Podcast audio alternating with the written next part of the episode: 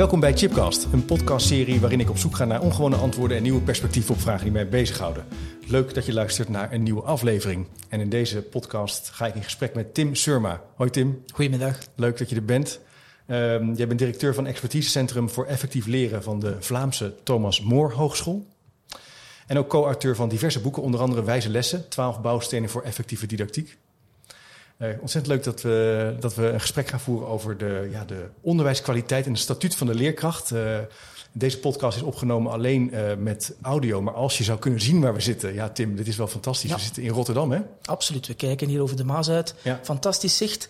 De luisteraars moeten het er zichzelf bij inbeelden, maar het is prachtig. Ja, het is heel mooi. Um, ik zal even een fotootje wel op de website plaatsen. Dan kunnen we daar nog even, dan kan je er eventueel, eventueel nog even naar kijken. Um, ik wil even een korte inleiding maken op de inhoudelijke redenering van de podcast. Want we gaan het in deze podcast hebben. En we gaan eigenlijk wat verder kijken dan onze neus lang is wat betreft de onderwijskwaliteit en het statuut van de leerkracht. Nou, waarom? Uh, omdat onderwijskwaliteit en de herwaardering van de leraar vaak in Nederland wordt aangevlogen vanuit het perspectief van ja, bijvoorbeeld salaris. Daar is de afgelopen periode natuurlijk veel om te doen. Of de manier van financiering, ook wel de lump sum. Uh, het kan ook gaan over de grootte van de klassen. Dan zeggen veel mensen, ja, de klassen zouden kleiner moeten. Dan gaat het veel beter met het geven van, uh, van onderwijs. We zouden de leerkracht meer autonomie kunnen en moeten geven, want dat is belangrijk. Dat ze meer zelfstandig zeggenschap hebben over hun, uh, hun lessen en ook hun lesvoorbereiding. Of ze zeggen, ja, die besturen zijn heel traag en log. Die willen eigenlijk helemaal niet, die zijn georganiseerd in allerlei raden. En jij zei nou, dat zou misschien een verklaring kunnen zijn, maar het is niet per se waar het om zou draaien. Want in Vlaanderen verdienen leraren een stuk minder, zijn de klassen kleiner, ervaart men autonomie, heeft men geen bestuur en toch zijn de problemen identiek. Le leesprestaties dalen, leraartekort, lerarentekort is er. Dus dat kan niet echt onderscheidend zijn. Het kan een deel van een verklaring ja. zijn, maar het is heel opvallend. Wij werken uh, vanuit ons centrum soms ook met, uh, met Nederlandse scholen. En, uh, en de gesprekken die gaan inderdaad vaak over, over factoren die eerder technisch-administratief van aard zijn. En ik zeg niet dat die niet belangrijk zijn, maar ehm, die factoren of die contextfactoren die ontbreken in, uh, in, in Vlaamse context. Um, en die verschillen soms degelijk. Um, en toch zijn die problemen die je net geschetst hebt identiek. Hm. He, dus wij, wij zitten ook ondertussen met leraren tekort. Jullie waren wel eerst. He, dus jullie waren uh, uh, een paar jaar vooraf uh, al met, met, met, die, met die problemen voor leraartekort. Dus het, het suggereert enigszins dat de oplossing, of dat, dat eigenlijk de, de, de, de aantasting van het statuut leraarschap Um, dat dat nog andere, diepere gronden heeft. Ja. Het zou kunnen. We zijn daar natuurlijk niet helemaal zeker van, want het is moeilijk om daar heel causale uitspraken over te Mhm. doen. Maar het, ik vind de denkoefening wel heel interessant. Ja. En die denkoefening die wordt ondertussen ook meer en meer gemaakt. En niet enkel in Nederland of in Vlaanderen, maar bijvoorbeeld in Zweden en in Portugal en in de VS zijn toch ook al een aantal mensen bezig geweest met nadenken over hoe dat nu eigenlijk komt dat onderwijskwaliteit uh, aangetast wordt. En ik vind dat wel een interessante piste om daar uh, Ja. vandaag even verder over te praten. Ja. Dus we gaan wat, uh, wat diep graven en wat verder kijken in ons neus lang is. Hoe zouden we dat gesprek kunnen starten? Waar zouden we eens moeten beginnen dan? Um, ik denk dat we misschien eerst en vooral toch moeten stilstaan bij het concept onderwijskwaliteit, want dat is gigantisch ruim. Hè. Hm. Dus het, het idee dat onderwijs um, louter reduceerbaar zou moeten zijn tot meetbare dingen, dan ga je uit mijn mond bijna nooit, of dat ga je nooit horen eigenlijk uit mijn mond. Het is uiteraard veel diverser dan dat, maar ik meen dat ik nog altijd de eerste leraar moet ontmoeten die in het veld staat, die niet beweert dat het niet belangrijk is dat een kind ook echt bijleert op school. Met andere ja. woorden, het vak of het domein waarin je als leraar bevoegd bent om te onderwijzen, daarvan wil toch elke leraar dat een kind dat uh, onder de knie krijgt. Hè, dus die, die competentie verwerft. Uh, of het nu een, een, een, beroepsgerichte opleiding is of een meer algemene, uh, algemene vakken. Ik denk dat het, het, bijbrengen van basisvaardigheden en basiskennis, dat dat eigenlijk bijna niet te ontkennen is dat dat een, primaire functie van onderwijs is. Um, onlangs was ik op een, het, uh, het, het congres voor lerarenopleiders, het Veel of Velon congres, en de heel interessante keynote bij aanvang toonde een, een, afbeelding van een vrouw die haar kind aan het voorlezen was. En uh, de, de keynote-spreker zei, kijk, hierover gaat het toch in onderwijs. Hey, empathie, warmte enzovoort. En dan denk ik, ja, dat klopt, maar je ziet nu wel een vrouw die in staat is om haar kind voor te lezen. En, ehm, en, en, en, op dit moment, als ik naar cijfers kijk over laaggeletterdheid in Vlaanderen, maar ook in Nederland, dan, ehm, dan kunnen we niet anders zeggen dat, dat er een onderwijssysteem is dat een heleboel mensen ehm, functioneel ongeletterd in een, uh, in een maatschappij plaatst. Hm. En dat is toch een verantwoordelijkheid uh, waar wij als onderwijssysteem ons heel goed van bewust moeten zijn. En, um, dus als je het onderwijskwaliteit, als we tenminste al eens zijn dat het een deel is van de functie van uh, scholen om kinderen basiskennis en basisvaardigheden bij te brengen, dan is het ook onze plicht om na te gaan hoe we dat op zo'n optimaal mogelijke manier doen. Ja. En daar slagen we niet altijd zo goed in. Nee. Ja. Um, dus je, je, zegt eigenlijk ook in zekere zin uh, dat overdragen van kennis is een belangrijk onderdeel van een onderwijssysteem. Uh, kwaliteit heeft ook een woord in zich dat het gaat over uh, uh, dat het er ook toe doet, dat het ook werkt, dat het ook effectief is. Het is iets ja. anders dan kwantiteit. Dus het, mm -hmm. het gaat ja. over het juiste ja. en het goede in zekere zin. Ja, Zo'n associatie heb ik er dan ook bij. Ik denk dat die associatie um, dat die klopt. Als je kijkt naar, naar redenen die soms genoemd worden naar, uh, voor daling van dat aspect van, van kwaliteit, dan, uh, dan wordt vaak genoemd ja, de, de, de maatschappelijk minder belang dat men hecht aan die basiskennis, die basisvaardigheden manifesteert zich op veel terreinen, maar als we echt op in schoolse context gaan kijken, dan kan je dat bijvoorbeeld terugvinden in de curricula die gebruikt worden. Hè. Um, ik denk dat daar een evolutie merkbaar is, dat die, uh, dat die nadruk um, veel minder veel minder prominent aanwezig is in de doelen die, die, die gesteld worden. Natuurlijk niet overal, maar je merkt dat wel. Um, je merkt dat ook in, in, in, in krasse uitspraken als het internet is er, Waarom zou je een kind ja. nog moeten lastigvallen met dingen leren enzovoorts? Terwijl eigenlijk, als je echt gaat kijken naar, naar, uh, naar wat eigenlijk het echte belang van kennis is, louter niet enkel op, op filosofische aard, maar echt kijkt naar wat de impact is vanuit cognitief-psychologisch perspectief, dan is dat een gigantisch belangrijke factor voor toekomstig leren. Hè. Iemand die al iets weet, die leert fantastisch veel makkelijker over een bepaald onderwerp voort, omdat hij nu eenmaal al een bepaalde voorkennis heeft. Maar voorkennis is niets generieks. Dat is iets sequentieel dat in een schoolloopbaan opgebouwd wordt. Dus dat moet heel zorgvuldig ja. behandeld worden. Dus die nadruk, die, um, als die verdwijnt, dan krijg je daar automatisch, uh, automatisch ja. gevolgen van. Ja. Dus het is ontzettend belangrijk dat je, je denkt eigenlijk met kennis. Hè? Kennis is eigenlijk onderdeel van ons... Uh, van ons uh, dat is je gereedschap. Is je gereedschap. En dat uh, maakt dus nogal wat uit. Of je een kennisrijke omgeving, of je daarin verkeert.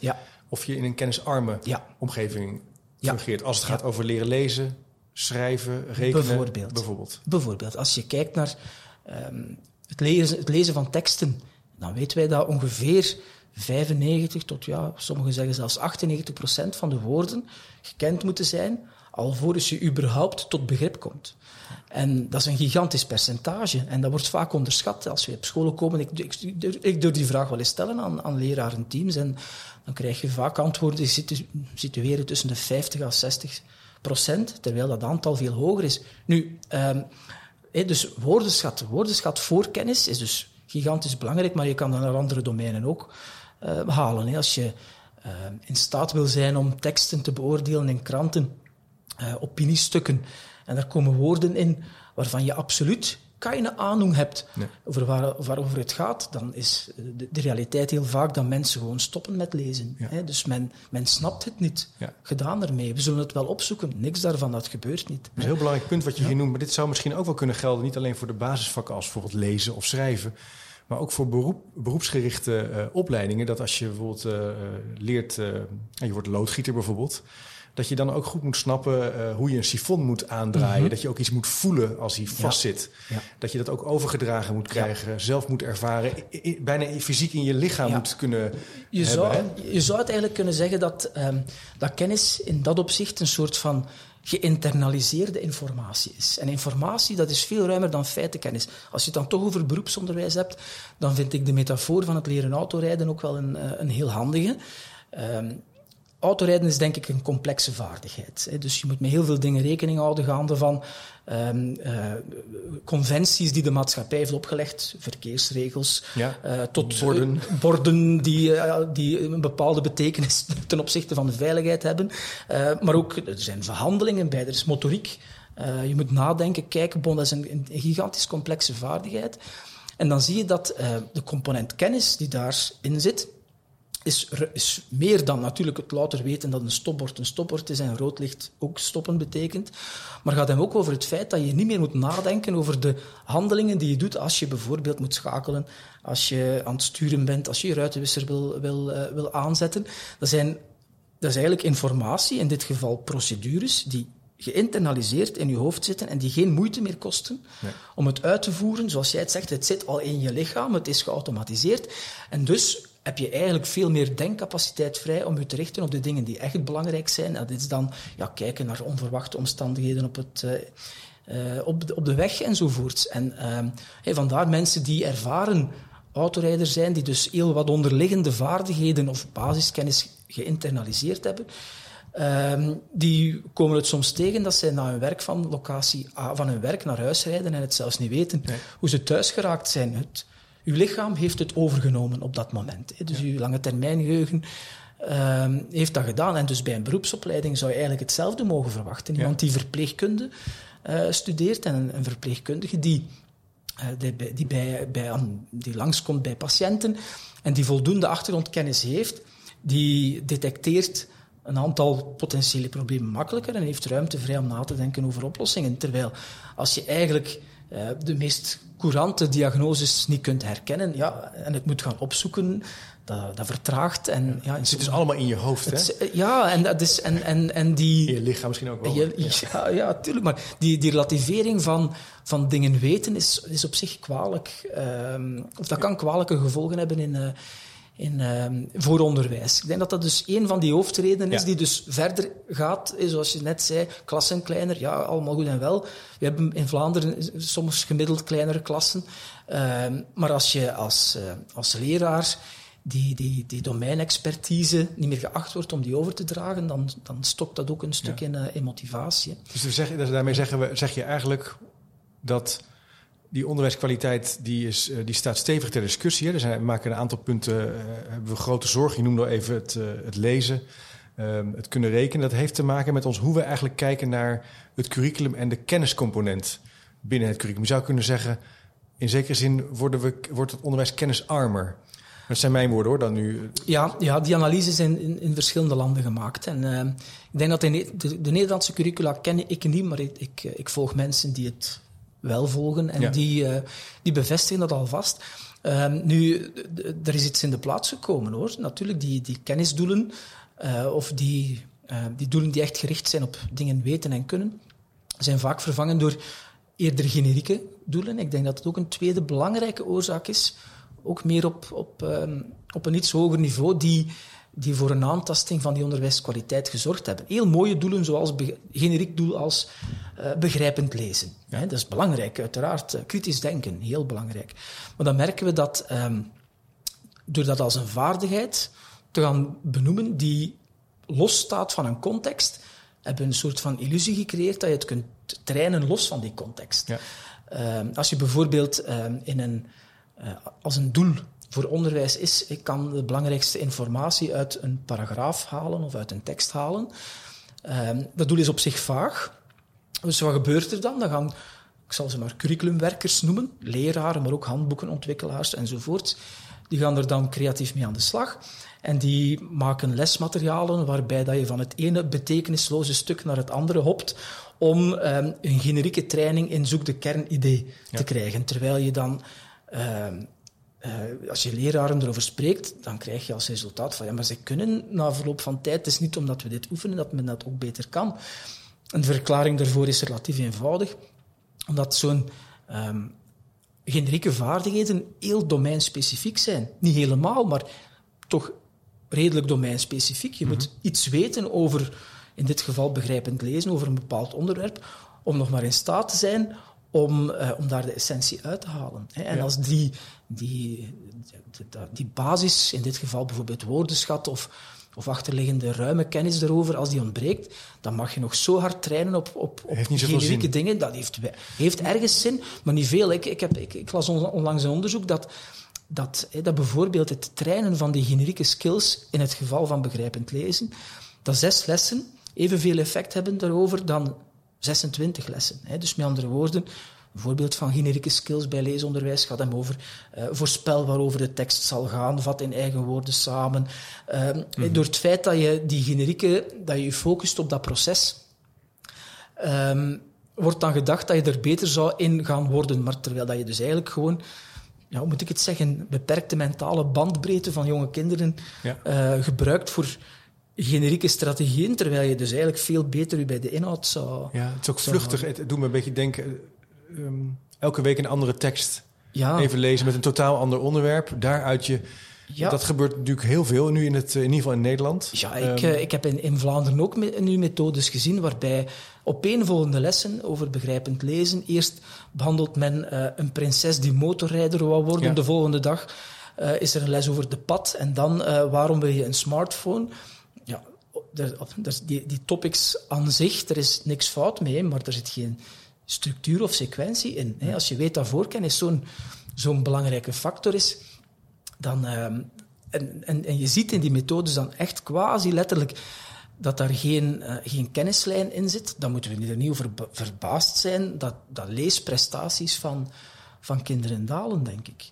Ja, en nog een ander, pro ander probleem, eh, voor zover we het woord leuk of plezierig mogen noemen, is dat kinderen dit, of leerlingen dit waarschijnlijk ook niet zo leuk gaan vinden. Dus die gaan op een gegeven moment ook denken, Gert, er komt weer zo'n tekst. Ja. Dan moet ik weer die samenvatting maken ja. of weer gaan voorspellen waar de tekst ja. over gaat. Het is steeds iets anders. Ze krijgen steeds eigenlijk dezelfde, ja, toch faalervaring. Zou dit kunnen, eh, of ja, Waardoor die motivatie natuurlijk ook niet gaat stijgen. Als ja. we daar, want daar hebben ook veel onderwijsontwikkelaars het over. Dat is één aspect dat, dat heel belangrijk is en het klopt volgens mij. Um, een leesles kan indien fout uitgevoerd. Laat ons vooral duidelijkheid. Eh, er zijn waarschijnlijk veel leeslessen die nog niet zo plaatsvinden, maar als ik, eh, als ik naar sommige methodes, en die vaak gebruikt worden, kijk, dan is een leesles eigenlijk een soort van les waarin dat je in een invulboek alvorens je een tekst moet lezen, eerst tekeningen moet maken, voorspellingen moet maken, en dan een mindmap en dan vragen erover. Um, ik, zou, ik zou geneigd zijn om te denken dat dat niet echt positief is voor de motivatie van nee. de leerlingen, omdat je ook ervaart, het is niet omdat je die boek dan helemaal hebt ingevuld en er komt plots een ongeziene tekst op een toets of op een examen. Als je toevallig veel van die tekst weet, stel het gaat over sport, dat je weet er veel van, ja, bon, de kans dat je die goed kunt begrijpen is gewoon fenomenaal veel groter. Los van die training en die vaardigheden. En, dat is dan een tweede aspect erbij, het, uh, uh, dat doet ook iets natuurlijk voor, uh, voor, de, voor de ervaring die de leraar erbij heeft. Hè. Dus met andere woorden, stel nu, um, in Nederland hebben jullie ja, centrale toetsing. Ja. Hè, dus je, je krijgt dan een willekeurige tekst voorgeschoteld, jouw leerlingen, en dan maakt het eigenlijk uh, de impact van die gigantische training die puur in leesvaardigheid of die generieke skill zit, dat haalt dan eigenlijk niet zo bijzonder veel uit. Dat is ook niet echt zo motiverend voor u als, uh, nee.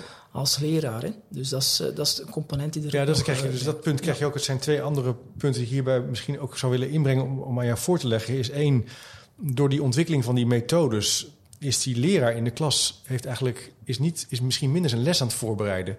In zekere zin minder kritisch aan het nadenken over wat hij wel en niet kan doen. Of ja. platter gezegd, hij voelt zich een beetje slachtoffer ja. van ja. Wat er, hoe en wat er les wordt ge gegeven.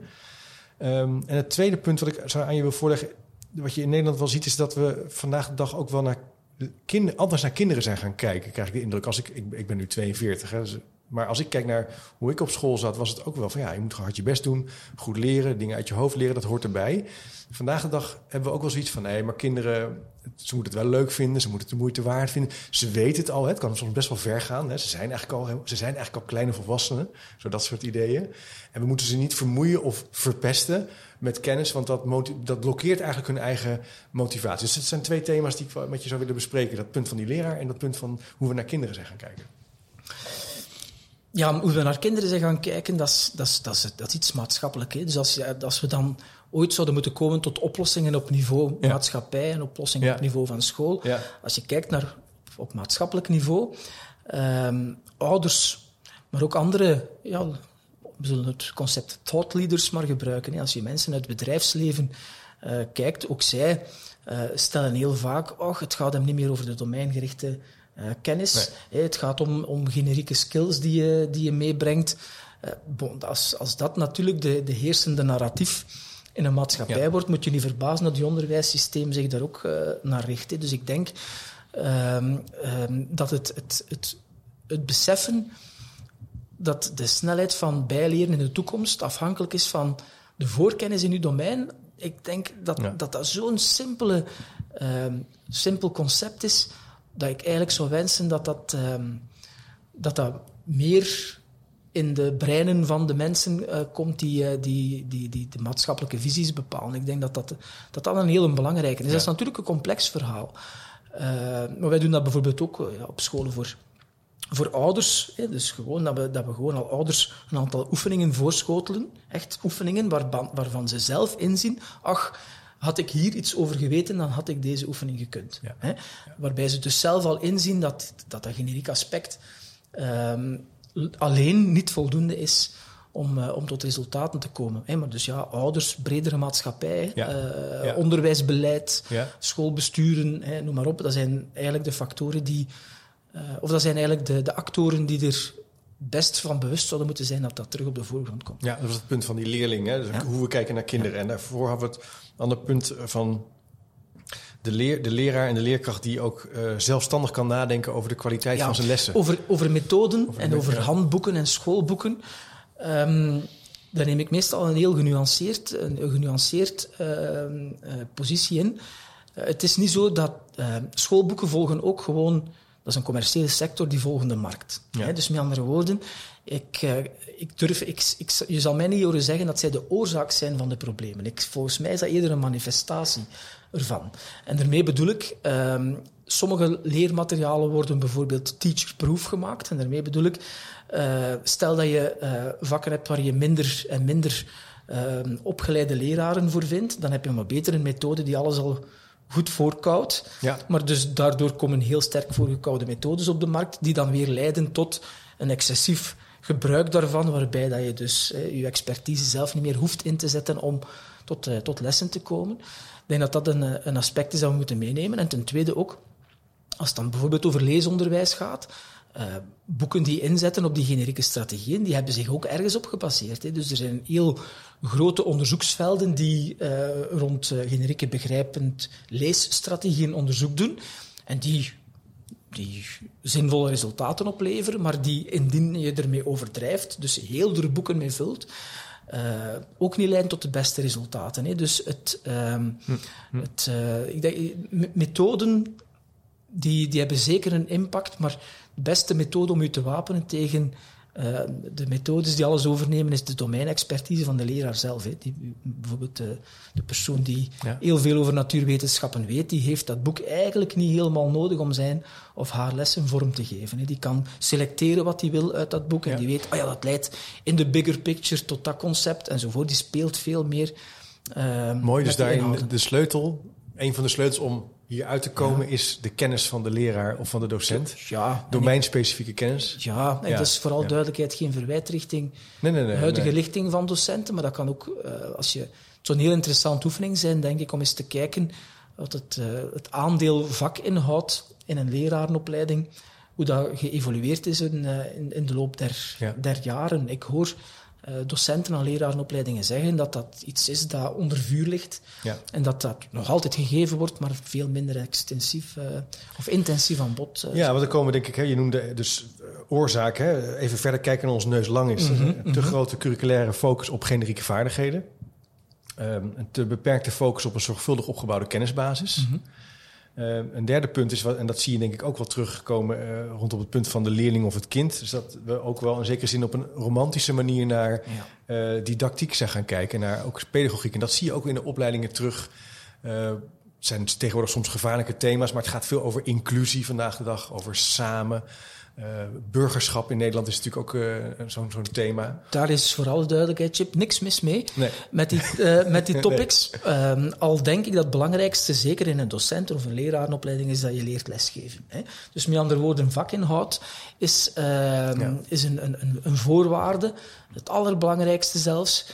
Nadien op korte voet gevolgd door uw didactische vaardigheden. Edie Hirsch noemt dat ehm, heel mooi, ehm, dat, eh, het, het, het naïeve geloof in romantisch-didactische aanpakken. Ja. En daarmee doelt hij op het feit dat, ehm, ehm, eh, dat bepaalde didactische aanpakken nu eenmaal voor sommige, in sommige contexten beter werken dan andere. Hè. Dus niks werkt overal, uiteraard.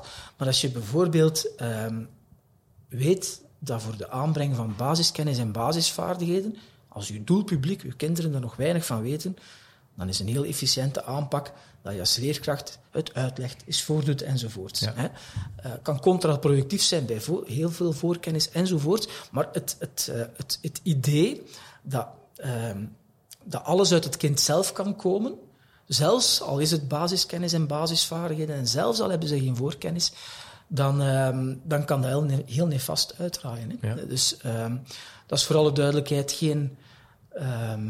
ik ga er niet zo heel ver in als in uh, dat je bepaalde aanpakken moet gaan afzweren of een, een nee, nee, bepaalde nee, aanpak altijd moet volgen, maar het gaat hem over het feit dat je dus niet moet naïef zijn als, als leraar, maar dus ook niet als lerarenopleiding, door te gaan zeggen van hey, uh, gooi die kinderen samen op een leerplein, laat ze hun eigen doelen stellen en het komt wel goed. Ja. Nee, dat komt niet goed. Ik heb het ook al gezien in lesbezoeken die ik doe, dat, dat uh, kinderen bijvoorbeeld, of leerlingen in groep 5 of 6, geheel zelfstandig een werkstuk laten maken of een onderwerp laten uitspitten. Bijvoorbeeld, ook al is het bij hun cavia of uh, dit gebouw zoals de Rotterdam waar we mm -hmm. tegenover staan. -hmm. um, ja, met Google en wat gesprekken kom je wel. Je komt tegenwoordig natuurlijk wel, wel ergens, hè? maar de vraag is wel van waar komen we precies aan? En wat ik me ook wel eens afvraag, dit kan ik niet onderbouwen, onthouden ze het ook? Als je een beetje googelt en ik vraag me dat dan ook af. Is dat nou na een jaar nog bijgebleven, uh, dat werkstuk over die cavia? Gemiddeld gezien is ik weet het niet. informatie die je door trial and error verzameld, want eigenlijk is, dat is, de, ja, eigenlijk is het ja, dat. Hè. Ja. Wordt gezegd dat die eigenlijk die zoekactie aan zich al zoveel capaciteit van je denken um, opneemt, dat je dus daardoor veel minder aandacht kunt besteden aan waarover, ja, de, laat ons zeggen, de oplossing of, of je resultaat. Hè. Dus die, die, uh, dat is iets dat, dat gangbaar aangenomen wordt, terwijl dat je dus eigenlijk beter uh, er zou van uitgaan dat, um, dat de, de concepten om dingen te laten beklijven op lange termijn, die zijn eigenlijk redelijk goed gedocumenteerd, die zijn bekend. Ja. Ik, niemand gaat van zijn stoel vallen als ik zeg dat herhaling een concept is dat wel vrij goed werkt om iets op lange termijn uh, bij te ja. houden. Dus dat, dat, dat, dat, zijn eigenlijk, dat zit diep in ons, in ons menselijk ja, lichaam ik... vervat. Maar het zijn dingen die, die, die eigenlijk op de voorgrond zouden moeten staan en het niet altijd, niet altijd gedaan hebben. En eigenlijk die hey, didactische innovaties of ja, men noemt, dan, men noemt dat eigenlijk innovaties, maar dat is volgens mij weinig zo conservatief als didactische innovaties. Want omdat men, men grijpt structureel terug naar, naar concepten die, die op langere termijn dan toch weinig succesvol blijken. Hè. De boetade van scholen die hun klasmuren slopen om, um, om met honderd samen in een zaal te zitten en een leraar die er gewoon wat tussen wandelt. Um, dat is met, met, enige overdrijving, maar heel vaak staan die, ja. die schoolmuren terug. Maar, ik, maar zelfs als je, zelfs als je uh, zoals uh, klassiek les zou geven. Ja. Hè, zoals bijvoorbeeld, ik ben ja. een jaar of vijf geleden bij een lezing van jou geweest... waar je het ook onder andere had over het tegengaan van die vergeetcurve... en het, de kracht van herhalen. En dat was voor mij echt wel een confronterende spiegel. Maar ik dacht, ja, ik zit op de, uh, de college die ik geef... ik doe dat helemaal niet goed. Ik ben veel te veel kennis in een korte tijd aan het uh, delen. En volgens weer iets en weer iets en weer iets. En ik ben toen gaan toetsen uh, met mini-opdrachten. Ik ben daar echt wel van geschrokken. Ik dacht van, dat kan nog veel beter. Dus ik heb zelfs het idee dat, dat je gewoon heel veel, heel veel ja. rijkdom kan uh, creëren... Ja. Door, door te snappen hoe dat leren werkt. Ja. Leraren zijn eigenlijk geheugenwerkers. Ja. als, je, als je wil op alle vlakken, als je, als je als leraar voor de klas staat, dan wil je eigenlijk een impact hebben op lange termijn. Ja. Je wilt dat er ja. iets geleerd wordt. Het kan van alles zijn, hè. basiskennis, vaardigheden, zelfs attitudes. Uh, maar je wilt dat iets, be, dat, dat iets beklijft op lange termijn. Dus dan lijkt het eigenlijk een basisvoorwaarde om, om zo een basisinzicht in, in, in een cognitieve architectuur, laat het ons zeggen, dat je, dat je die meegeeft, dat je die gebruikt. Dat lijkt me heel zinvol. En dat is absoluut geen keurslijf voor een, uh, voor een leraar. Nee.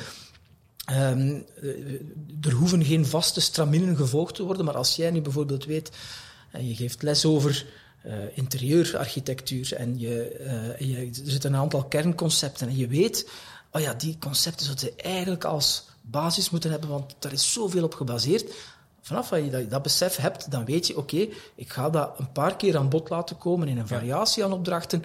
Ik ga dat bijvoorbeeld regelmatig laagdrempelig toetsen, want herinnering zorgt ervoor dat het beter beklijft. Ja. En, je, je- en, en, en het hoe, dat ligt dan helemaal uiteraard in de, in de creativiteit en in de expertise van de leraar zelf. Maar het, het gewoon al beseffen dat dat de recepten zijn om iets te laten beklijven, Ja. is vaak genoeg. Ja, ja. Mooi, mooi. En dit, dit kan je overigens ook doen met je team, hè? dit soort gesprekken voeren. Dat is vaak ook Ja. heel leuk. Ik bedoel, Ja, ja, ja. dit dit zijn juist gesprekken die je, die je met elkaar kunt voeren.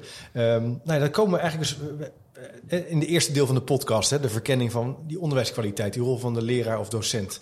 Wat zijn nou oorzaken dat, het, dat, we, er, eh, dat we er ons zorgen om maken? Er zijn eigenlijk dus drie, drie eh, eh, redeneringen die we nu even naar voren halen. En het laatste is dan dat naïef geloven in dat romantische kind, eh, leerlinggecentreerde eh, didactische aanpakken. Wat vaak ook wel eens een tegenbeweging is. Hè? Dat is ook een soort Ja. pendule. Uiteraard. In zekere zin. uiteraard, Uiteraard. En het een, eh, dus die, die naïeve idee, ehm, in die zogenaamd kindgecentreerde aanpakken, die, die zijn natuurlijk destijds ontstaan door stereotyp beeld van eh, autoritair onderwijs, waarbij de leraar als dictator voor een groep staat en commandeert en eh, opdrachten geeft om Ja. te, te memoriseren.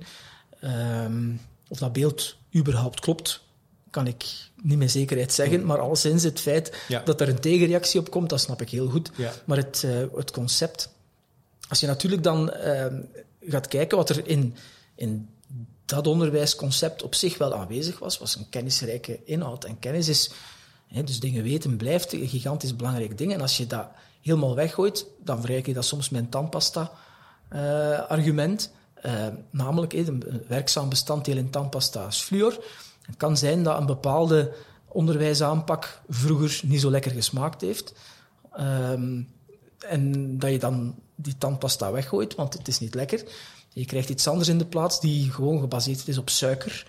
Ehm, dan kan het wel lekker smaken, maar de, de initiële functie is dan verdwenen. En dat is...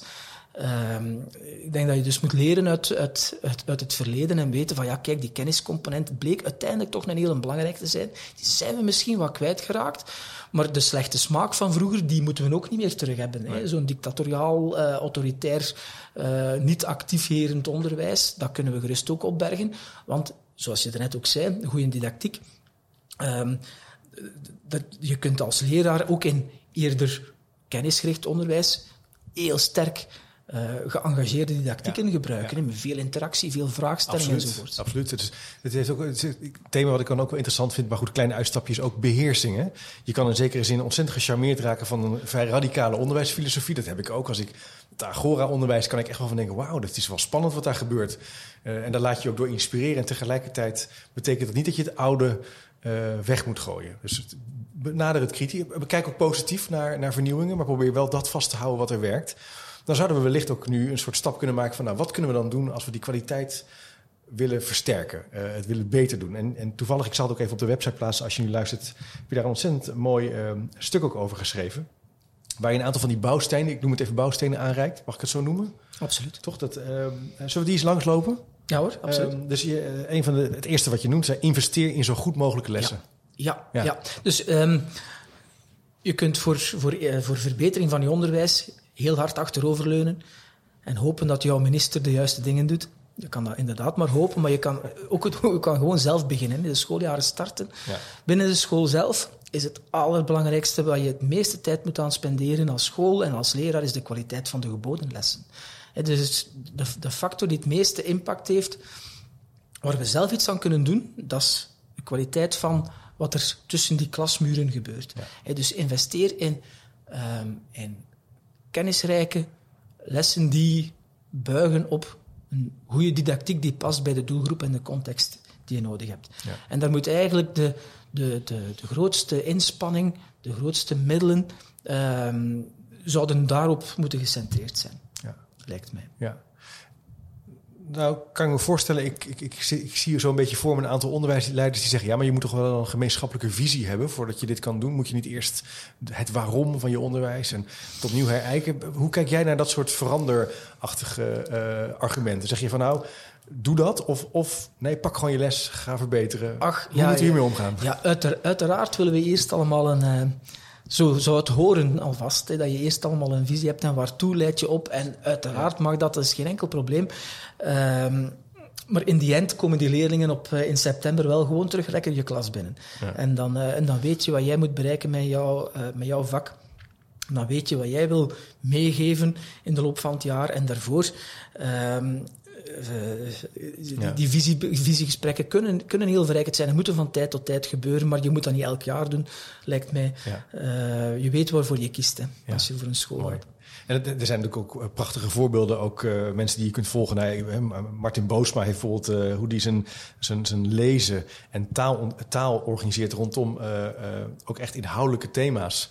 Ik heb daar ooit een, een podcast met hem over genomen, eh, opgenomen. Eh, heel veel mooie interventies die gewoon bewezen effectief zijn, die ook eh, doorbouwen op wetenschappelijk onderzoek over hoe leren werkt. Hè? Dus Ja. dat is daarin ook. We hebben Ik ook heel veel hè, waar we op kunnen We, gaan staan. we weten redelijk veel waar we kunnen op staan. Ja.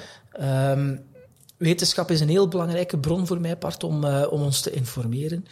Niet om te dicteren hoor, want daarvoor is die, die wetenschappelijke kennisbasis nu ook niet zo sterk. Nee. Maar ik denk dat de optimale blend met, met, met, met de praktijkervaring, ervaren Ja. docenten. Kijk wat heeft gewerkt in die school met de mensen die daar al jaren werken. Dus je bent geen robot die wetenschap moet implementeren. Dat is echt niet nee, wat jij... eh, Nee, nee, nee, nee, nee, maar ik, ik vind het wel ehm, vermoedelijk een soort van ondergesneeuwde bron van...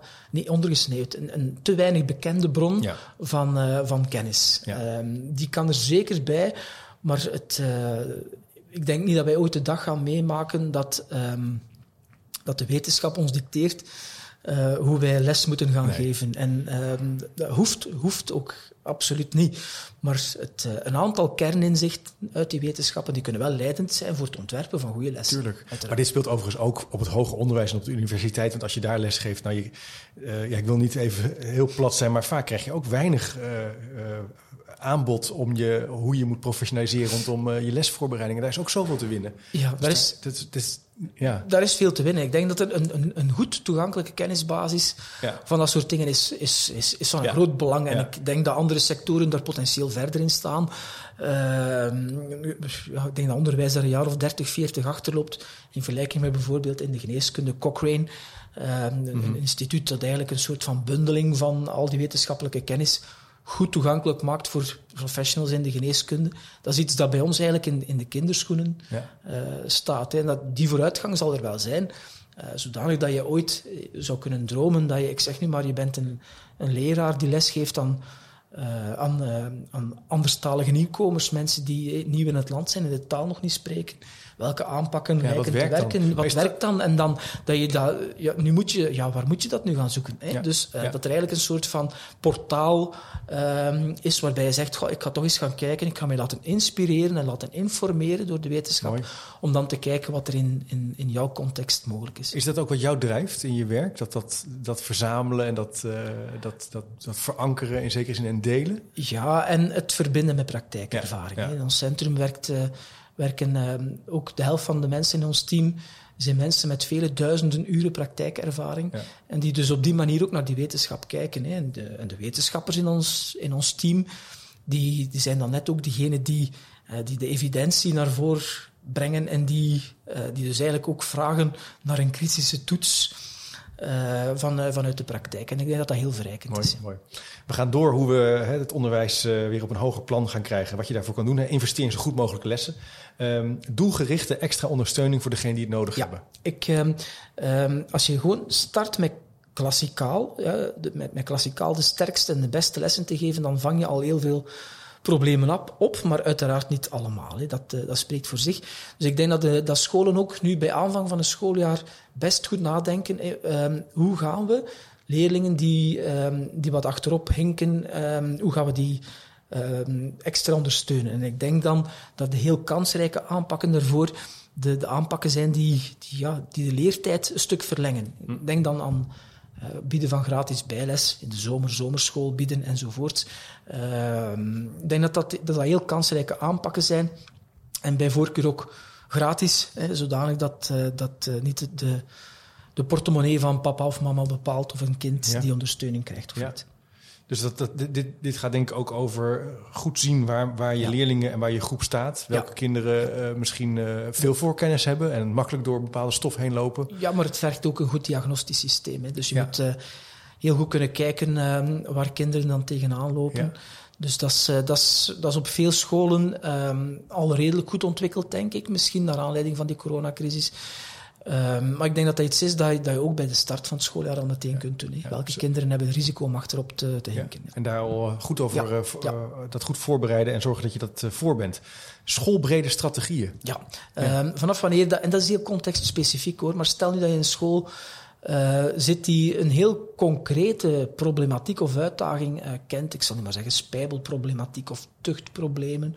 Of, een, of, of, ja, of veel kinderen die in armoede leven het, hetgeen dat dan beste werkt, dat zijn schoolbrede aanpakken. Zodanig dat de individuele leerkracht zich niet moet buigen over zo'n één specifiek probleem, maar dat je dus heel goed nadenkt over och, het, het, ehm, de context waar wij hier nu in zitten, dat vergt die aanpak. Ja. Ik denk dat je daar ook echt terecht komt bij toch het belang ook om in je schoolteam gezamenlijk die analyse te doen. Hè? Hoe we ervoor staan. Dat is toch wel een heel belangrijk proces vandaag de dag, als je het hebt over veranderliteratuur, een klein uitstapje is het design thinking hè, is heel erg uh, in. Hè? Uh, educational design thinking, hè? ook in een dito snel een prototype snel uitproberen.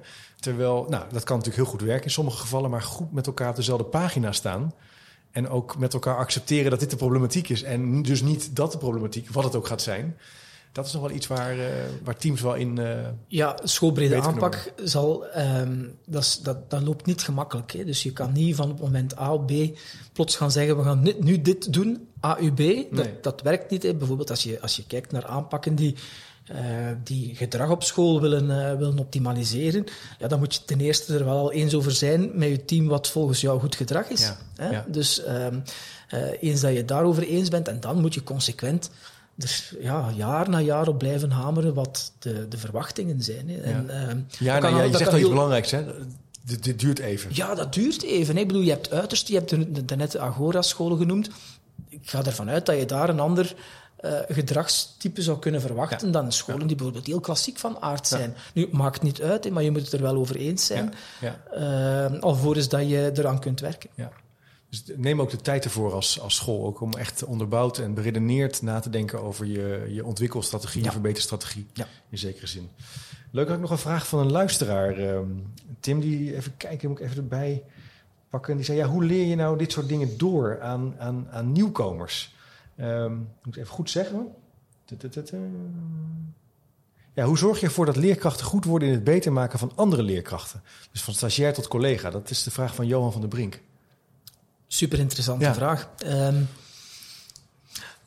dat is eigenlijk een soort van aanvangsbegeleiding. Hè? Dus met andere woorden, mensen stromen het veld binnen, of het nu een jong afgestudeerde leraar is, of een, wat wij in Vlaanderen dan noemen een neveninstromer. Iemand die op latere leeftijd vaak kiest voor de mooiste beroep van, uh, van de wereld. Hè. Uh, dan, dan gaat het over intern opleiden. En verrassing over verrassing, een leraar is ook een mens. Hè. Dus met andere woorden, als leraar A aan leraar B dingen wil leren, dan geldt daar ook de principes voor goede didactiek. Ja. Met andere woorden, uh, laat, laat, uh, laat jonge mensen uh, ook kijken naar hoe het moet of hoe het kan, hè, naar de succesvolle exemplaren op school. Hè. Dus ehm, zet de deuren open. Hè. Ja. Kom eens kijken in mijn klas hoe ik het doe met klasmanagement. Ja. kijk, dat onderwerp is heel moeilijk om aan te brengen, maar bij mij lijkt dat toch te werken. Wees welkom. ook omgekeerd, zorg ervoor dat er Um, dat, dat als, die, als die mensen voor de klas staan, dat die ook voldoende kansen krijgen om, om het beter te doen. Lees feedback krijgen. Ja. Um, kom in die klas binnen, kijk wat er gebeurt. Uh, geef daar commentaar op. Dat is een belangrijk Sorry, punt wat je hier noemt, uh, Tim. Sorry, ik onderbreek je maar toch bij elkaar in de klas kijken. Hè? Dus ja. bij elkaar meelopen, van elkaar, elkaar complimenten geven, nieuwsgierig zijn naar elkaars methode. Ja. Uh, ja. Nabespreken is natuurlijk ook een ontzettend goede vorm van, goh, ik heb dat net gedaan, hoe vond je dat ik het deed? Wat zou ik de volgende keer anders kunnen doen? Ja, uiteraard. Ja. Dus die, um, die component uitermate belangrijk.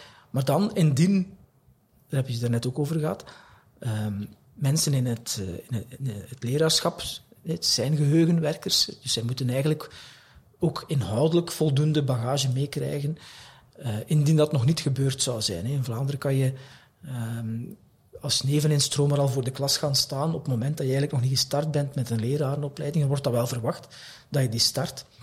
Maar vaak is dat dan ook nog niet het geval. En ik denk dat dat ook iets heel belangrijk is. Dat er dus een soort van uh, infrastructuur op een school komt waarvan je zegt van kijk, wij, wij, wij werken zo, dit zijn onze basiswerken, dit zijn onze vier basisboeken, waarvan dat wij eigenlijk willen dat elke leerkracht die beheerst. En met beheersen bedoelen we niet zo louter uitvoerend, maar kijk, uh, wij, wij, denken over kennis zo, wij denken over didactiek zo, wij denken over klasmanagement zo. Of je maakt het zelf, maakt mij niet uit. Hè, maar dus Als je maar iets maar is een vorm van uh, met elkaar zoeken, wat is onze normatieve professionaliteit? Ja. Wat is voor ons de kern waar we, waar ja. we op drijven? Als ik, als ik hier op deze school binnenkom, uh, en ik heb het over didactiek, dan ja. is dit onze woordenschat ja. die, die wij gebruiken. Ja. Ik denk dat dat een, uh, een heel belangrijke is. Het is ook belangrijk om inderdaad in de school op te leiden. Ik ken volgens mij toch niet zo heel veel beroepsgroepen waarin men soms de opleiding on the job uitbesteedt aan anderen. Wat soms in Vlaanderen gebeurt, daar wordt dan externe instanties ingehaald om, om u te, te, te professionaliseren, terwijl dat je uh, er in theorie zou moeten van uitgaan dat een school als kennisinstelling toch in staat zou moeten zijn om dat zelf te doen. Ja, mooi. Dus ook uh, zelfstandig ook nadenken over professionaliseren en leren in zekere Absoluut, zin. Ja. ja. Uh, misschien een laatste uh, thema wat ik zou willen aanhalen is iets wat ik, waar ik zelf ook wel nou, nieuwsgierig naar blijf, is de rol van de schoolleider in dit soort processen. Hoe kijk jij daar nou naar? Um, die schoolleider in die school. Wat, wat, kan, wat, wat mag hij of zij meer doen? Of misschien waar mag hij of zij mee stoppen? Ik denk um, dat de verschillen tussen schoolleiding onderling, schoolleiders onderling heel groot kan zijn. Ik ken een aantal heel succesvolle schoolleiders in, uh, in Nederland en ik merk um, dat die zich heel veel kunnen bezighouden, dat die een structuur neergepoot hebben, waardoor ze zich veel kunnen bezighouden met hetgeen het belangrijkste is, namelijk de ja. kwaliteit van het geboden onderwijs. Dat blijkt ook uit het wetenschappelijk onderzoeken ja. over de kwaliteiten van ja. schoolleiders, dat, die, dus dat men bezig moet kunnen zijn met die kernprocessen. Um, en wanneer dat niet lukt, dan is er vermoedelijk een probleem. Hè. En um, er zijn factoren die ervoor zorgen dat dat ook echt soms niet lukt. Denk maar aan een lerarentekort. Ja. Hè. Dus men, men, moet soms eerst op zoek gaan naar iemand die dan daadwerkelijk die les Nederlands kan geven.